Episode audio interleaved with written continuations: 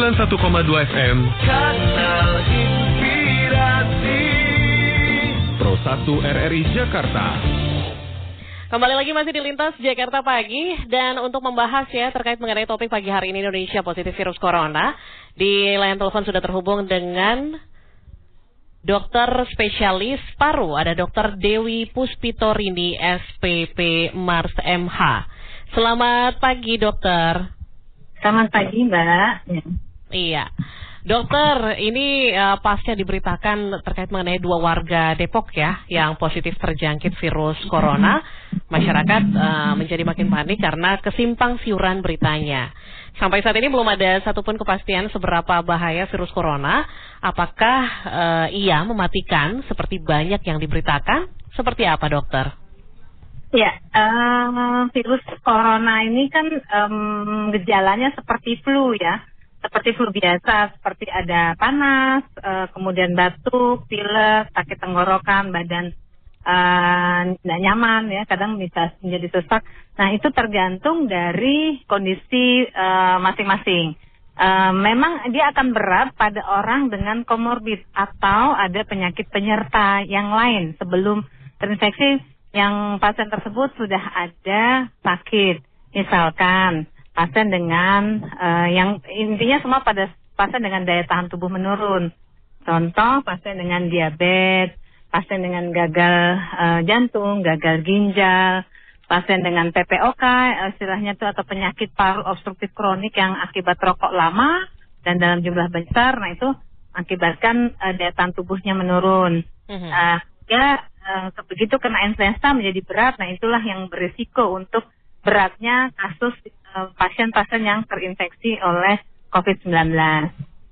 Iya, jadi memang kalau uh, kondisinya sudah ada riwayat penyakit yang tadi dokter sebutkan, ini bisa memang agak lebih parah begitu ya dokter? Iya betul. Jadi karena kan itu uh, viral uh, virus itu uh, bisa kita tahu sebenarnya contoh seperti influenza juga kan musiman juga ada, mm -hmm. tapi di atas berat pada kondisi-kondisi yang uh, menurun. Nah ini mm -hmm. kenapa menjadi uh, banyak kan ternyata penyebarannya sangat cepat uh, virus ini.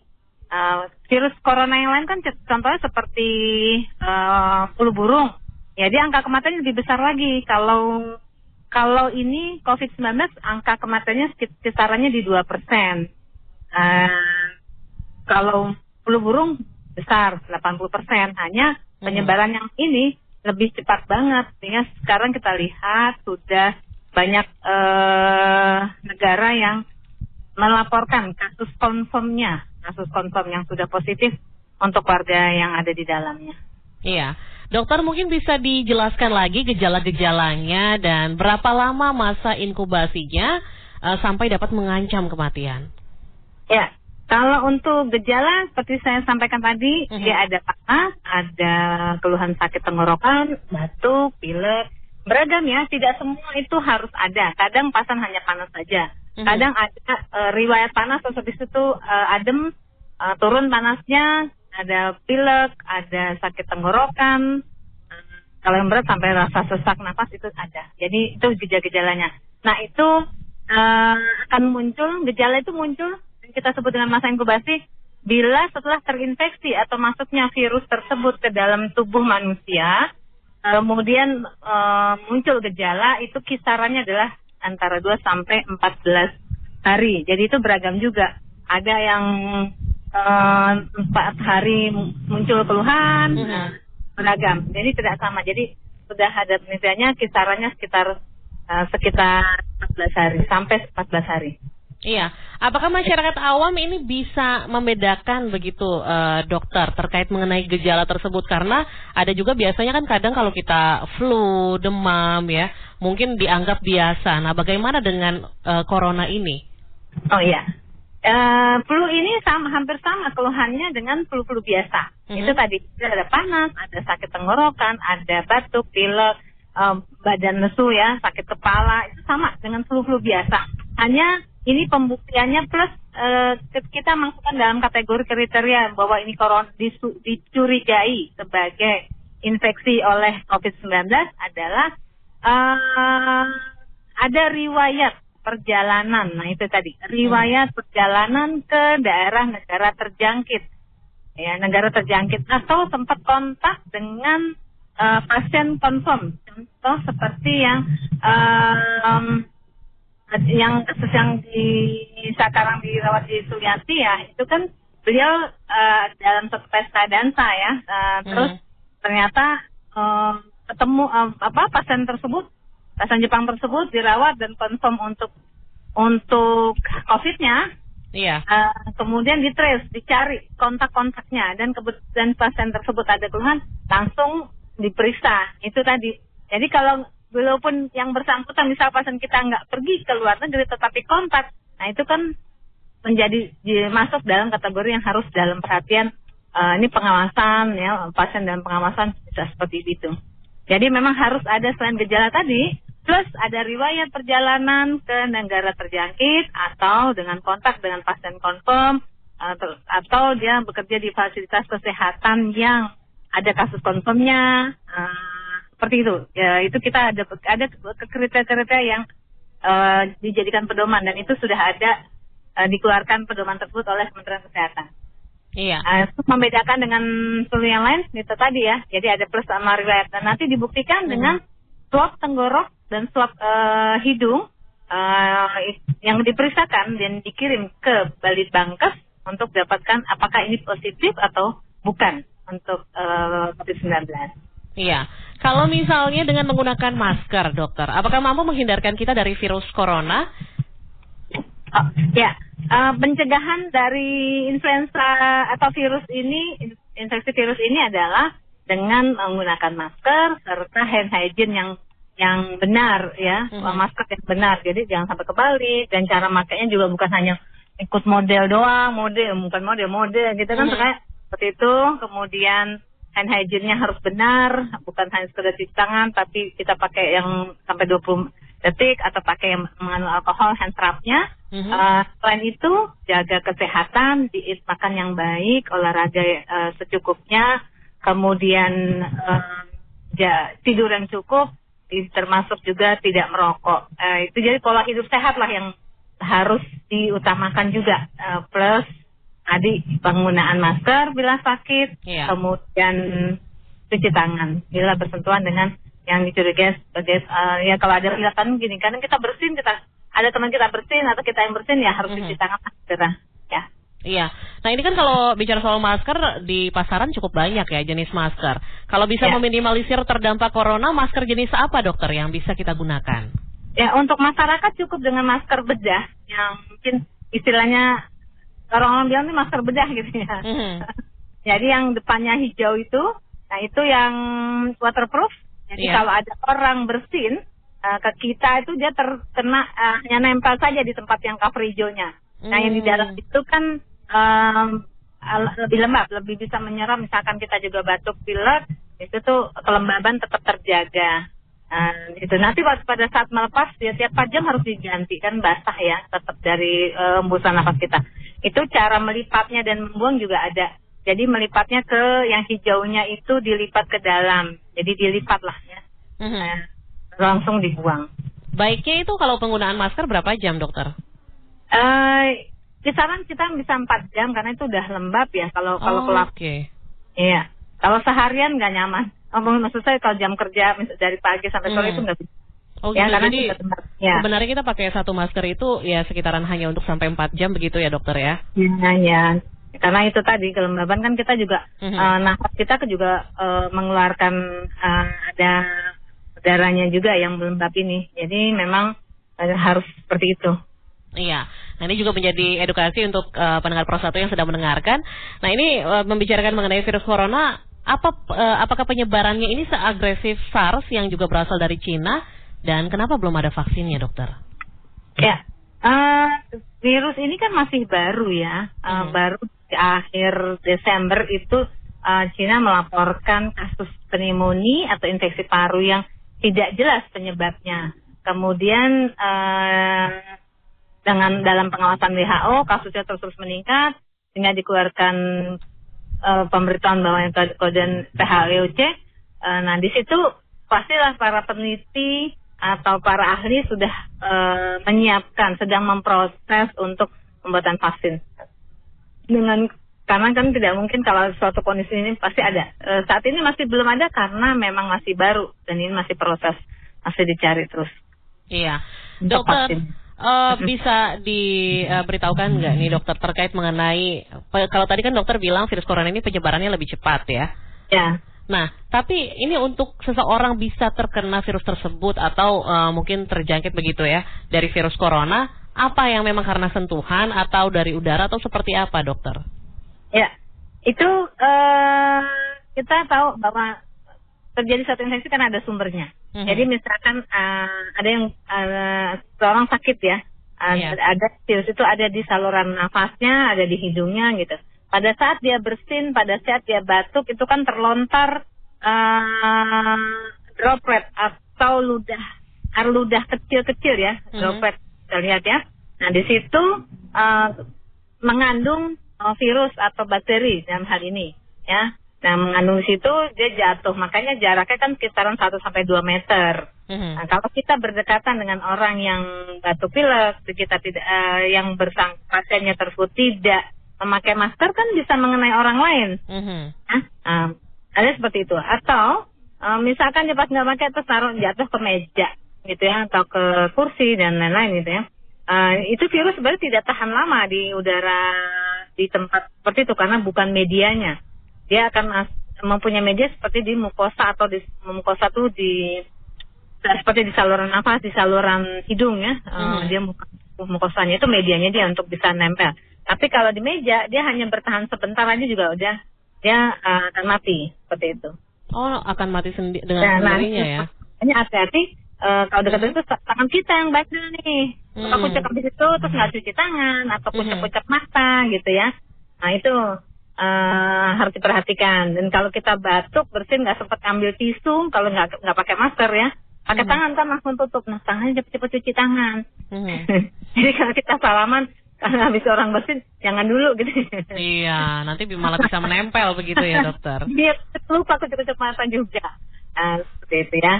Iya. Maka ya, kita yang orang sakit juga harus sadar agar tidak menularkan ya kita pakai masker kita hmm. yang dan dia juga harus jaga kesehatan kita yang sehat ya e, bisa membantu minta mengingatkan ini lagi batuk lagi pilek ber, e, ayo pakai masker nggak apa-apa e, kita saling mengingatkan semuanya bentuk kepedulian kita gitu kan Mm-hmm.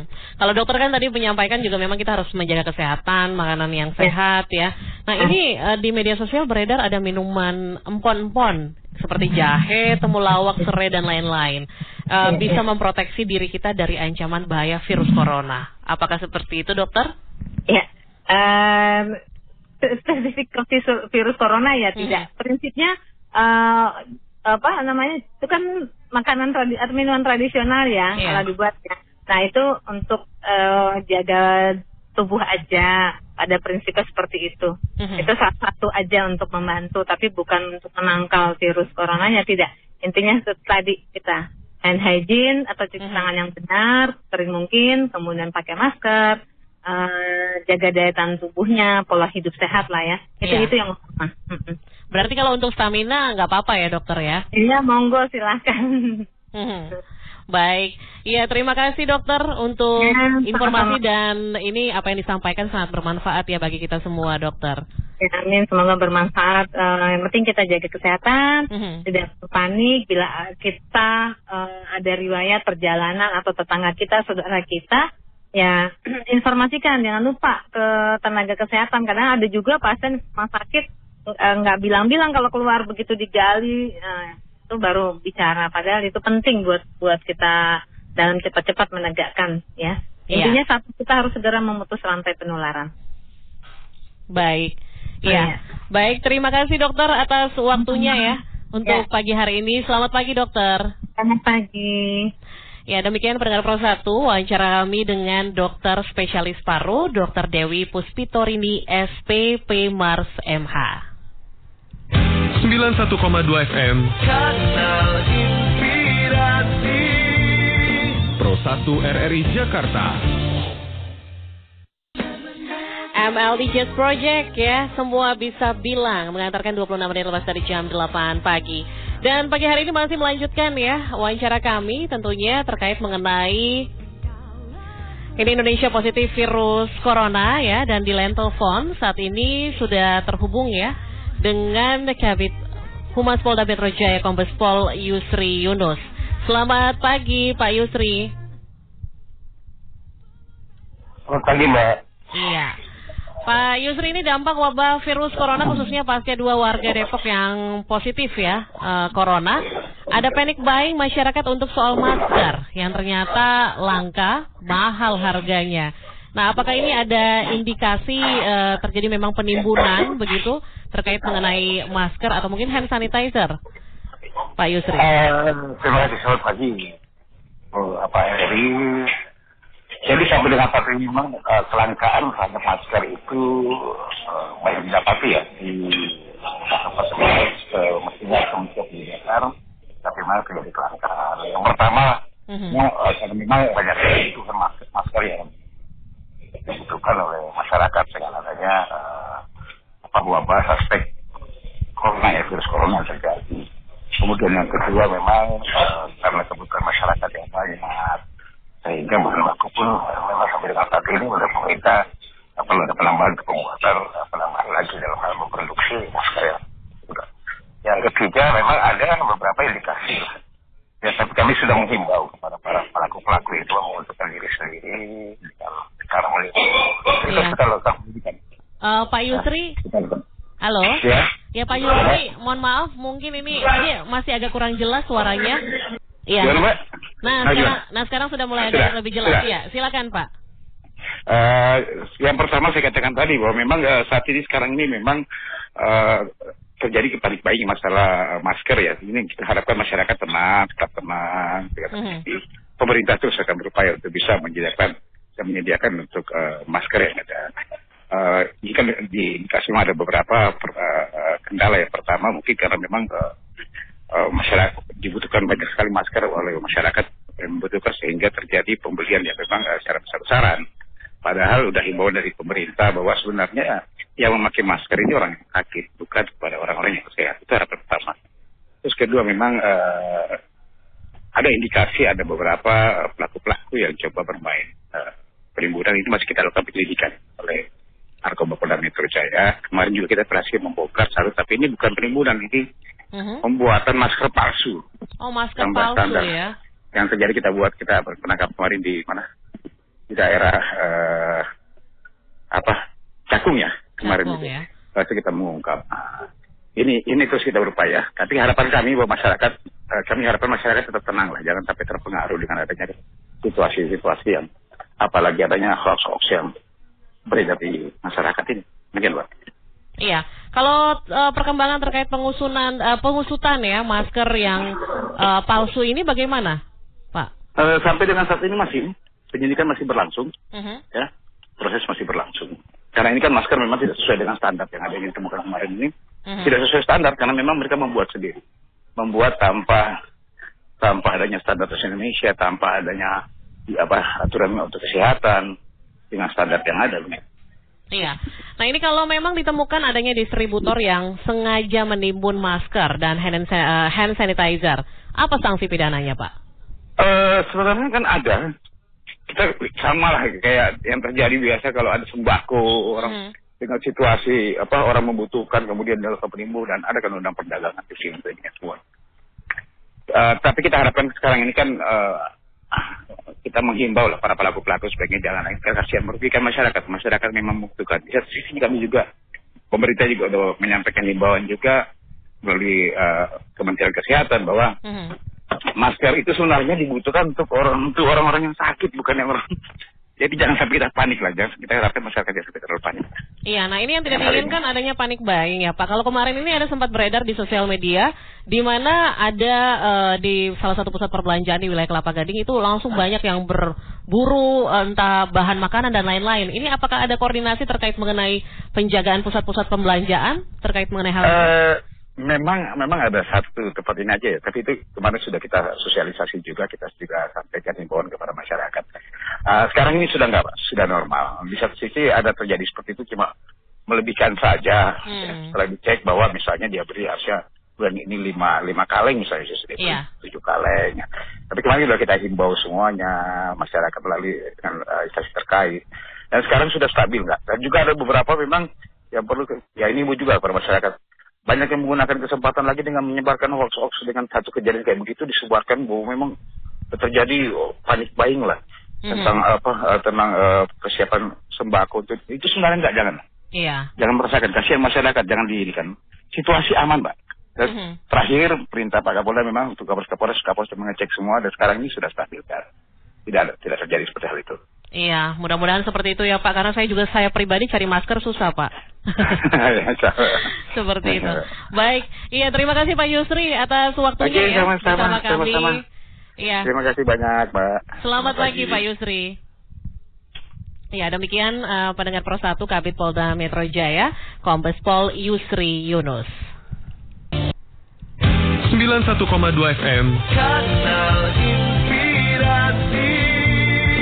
Pro 1 RRI Jakarta. Dan eh, masih membahas terkait mengenai Indonesia positif virus corona ya dan tadi juga sempat eh, disampaikan ya ini juga mungkin menjadi eh, pengalaman Anda ketika mencari masker dan hand sanitizer ya agak kesulitan di wilayah lingkungan rumah Anda. Dan melanjutkan lagi dengan narasumber berikutnya. Saat ini saya sudah terhubung dengan pengamat ekonomi ada Mas Firdaus Baderi. Halo selamat pagi Mas Firdaus. Selamat pagi Mbak Linda. Ya, Mas Firdaus, ini eh, seperti yang sudah diketahui ya, informasi pasca dua warga Depok yang positif virus corona. Ini Iya. terjadi panik buying masker dan bahkan juga hand sanitizer. Bukan cuma itu saja, kalau kemarin ini di media sosial ya, bahkan sembako di masyarakat ya, ini makin menjadi. Apa yang bisa kita amati dengan fenomena panic buying ini? Jadi kalau kami mengamati ini karena ketidakpekaan atau ketidaktahuan masyarakat yang akhirnya menjalar menjadi hal-hal yang tidak seharusnya terjadi. Nah, itu kan eh, itu kan dimulai dari eh, soal masker. Nah, itu eh, dari masker itu harga masker sampai naik dan segala macam. Padahal banyak dokter sudah memberikan eh, nasihat di WA Group bahwa masker itu tidak menjamin penularan. Yang penting itu daya tahan tubuh lebih baik. Dan penyakit corona ini tidak separah-parahnya seperti demam berdarah. Hmm. Malah yang lebih parah itu demam berdarah atau yang dulu itu ada flu burung apa namanya ya.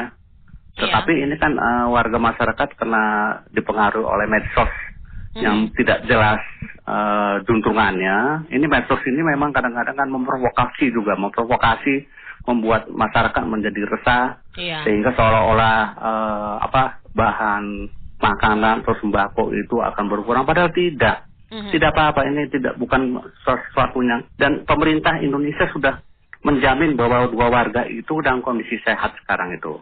Mhm. Dan ini kan eh, harusnya memang eh, pemerintah juga eh, di sini ada juga seharusnya ya komunikasi publik ini juga harus diperhatikan ya. Jadi masalah komunikasi saja saya pikir ya. Dan ini kan eh, kalau menurut hemat kami seharusnya penanganan corona ini cukup yang sebagai juru bicara pemerintah itu hanya eh, domainnya dari Menteri Kesehatan. Mhm. Jadi cukup eh, beliau saja jangan ini banyak pihak memberikan komentar yang bukan domainnya dia seorang apa ahli kesehatan Mhm. atau menteri kesehatan. Nah ini yang membahaya dan membuat eh, panik masyarakat. Jadi saya pikir ke depan eh, pertama dibenahin itu eh, dari sisi komunikasi publik. Jadi sebaiknya ini eh, lebih baik eh, menteri kesehatan yang bicara saja. Eh, jangan semua orang mau bicara. Termasuk Pak Jokowi juga sebaiknya juga tidak perlu mengannounce dua orang ya. Mhm. Kecuali korbannya itu banyak itu sampai lebih 50 orang baru presiden tunggal. Seperti di eh, negara lain itu cukup apa perdana menteri cukup menteri kesehatan saja yang mengannounce itu. Iya.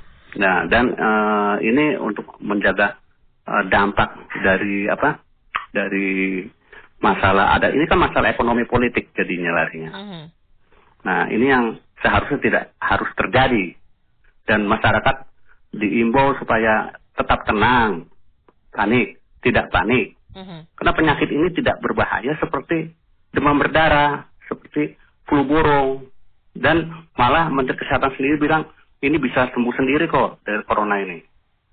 Mhm. Dan eh, penanganan corona ini sudah sudah apa sudah sangat perfect sekali dari Kementerian Kesehatan. Jadi tidak perlu takut dan uh, menjaga apa uh, stabilitas ekonomi, tidak perlu uh, borong-borong masker segala macam dan sampai borong-borong apa itu uh, sembako. Buat apa itu malah uh, memberi keuntungan buat spekulan? Mhm. Ini kan permainan-permainan spekulan yang berbahaya ini. Iya. Itu, Mbak. Nah ini bagaimana eh, sistem tracking dan peritel kita menyikapi fobia atau panic buying yang juga terjadi di negara-negara lain? Iya, nah kalau di negara-negara lain kan mereka sudah di Cina sendiri sekarang sudah mulai menurun ya eh, Mhm. isu dari eh, wabah corona ini. Jadi mereka eh, kelihatan bahwa pemerintah itu satu suara dan eh, bersikap eh, preventif sekali dan Indonesia seharusnya bisa belajar ke sana ya. Jadi eh, tidak perlu dibesar-besarkan dan teman-teman media juga ada etika bahwa pemberitaan ini juga harusnya tidak menyanggung sampai privasi eh, keluarga korban, kemudian melindungi dan ini juga satu kemarin juga kami lihat itu eh, polisi jangan terlalu memasang garis polis lain. Iya. Itu kan bukan soal kejahatan eh, apa yang rumahnya di sampai dikasih polis lain itu seharusnya tidak perlu. Jadi kan mem- membawa dampak masyarakat sekitarnya jadi seolah-olah wah, penyakit yang apa kayak bahaya sekali gitu Mhm. itu harusnya tidak perlu tidak perlu dikasih po- po- polis lain jadi ini ma- masalah seperti influenza kok penyakit corona ini Iya. itu jadi eh, ke depan itu sebaiknya masyarakat tetap tenang dan tidak usah ter apa terbawa-bawa oleh eh, apa WA group atau medsos yang memberikan informasi-informasi yang tidak jelas juntrungannya itu Iya, karena ini cukup banyak sekali ya informasi-informasi juga yang simpang siur ya, entah di sosial media Iya. atau chat grup ya, uh, Iya. Firdaus. Nah Iya, kalau, dan- Aha, bagaimana? Ya, ya, dan itu eh, kami juga eh, mengapresiasi rencana pihak kepolisian Mabes Polri untuk segera bertindak melakukan eh, penertiban di semua supermarket kalau ada yang mau borong-borong itu harus segera dilaksanakan dan itu eh, medsos-medsos yang berkeliaran tidak jelas juga ada undang-undang ITE itu segera di dari tim siber Mabes Polri juga segera bekerja. Ini meresahkan masyarakat kalau tidak segera dilakukan eh, penindakan. Anda melihat virus corona sejauh ini sudah menggoyang lantai bursa saham, Mas Firdaus? Ya, itu menggoyang itu kena dari efek berantai bursa global ya. Mhm. Jadi kalau eh, rupiah maupun bursa itu kan rentetannya tidak semata-mata tergantung pada eh, dalam negeri Indonesia sendiri.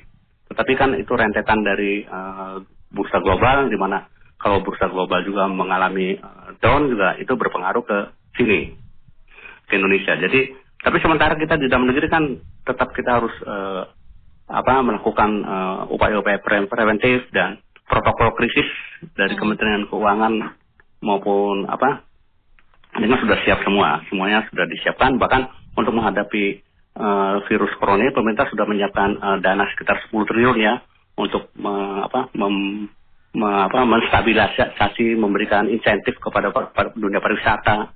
Kemudian memberikan eh, apa kepada kartu apa kartu pintar apa apa yang buat orang-orang eh, apa eh, tidak mampu itu. Mhm. Jadi catatan pemerintah sudah mengantisipasi, sudah memberikan dana-dana dari insentif Dari dari, KJP PBN itu, atau ya, KIS dari KTP. ya?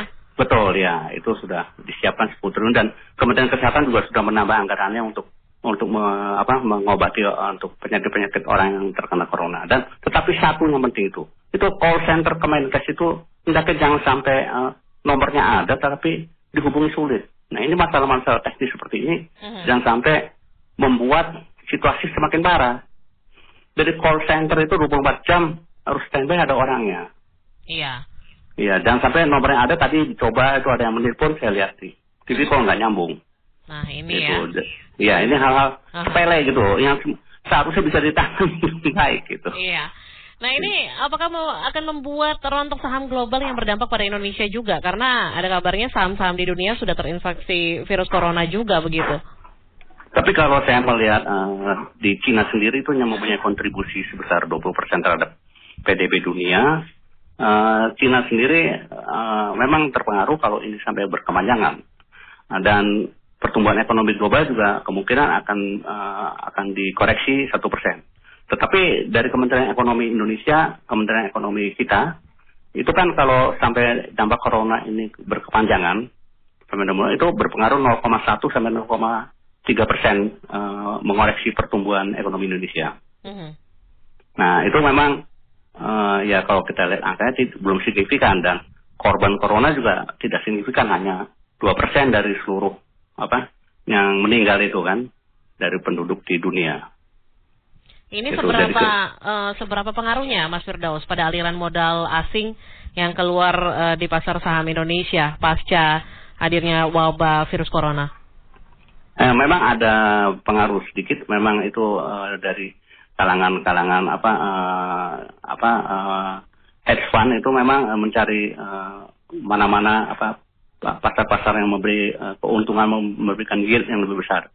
Hmm. Memang saat ini memang ada sedikit uh, penurunan di tapi dari Bank Indonesia sudah menyiapkan langkah-langkah preventif yang cukup bagus. Mereka itu kemarin akan uh, ada lima strategi itu antara lain akan membeli akan menerbitkan surat SBN benda bendahara negara, uh-huh. kemudian akan melakukan uh, apa menetralisir ke pasar uang, uh, masuk dari semua langkah-langkah ini uh, dari ekonomi Indonesia itu sudah ya siap untuk menghadapi kalau ada pengaruh global yang yang berdampak uh, signifikan terhadap. Jadi arahnya kan ini hmm. uh, jangan sampai terjadi pandemi ekonomi di negeri kita. Ya selain itu memang langkah-langkah preventif apa yang disiapkan, Mas Firda? Uh, di sini uh, yang perlu itu uh, pertama adalah uh, satu membenahi dari sisi komunikasi komunikasi publik itu karena ini uh, pengaruhnya penting sekali.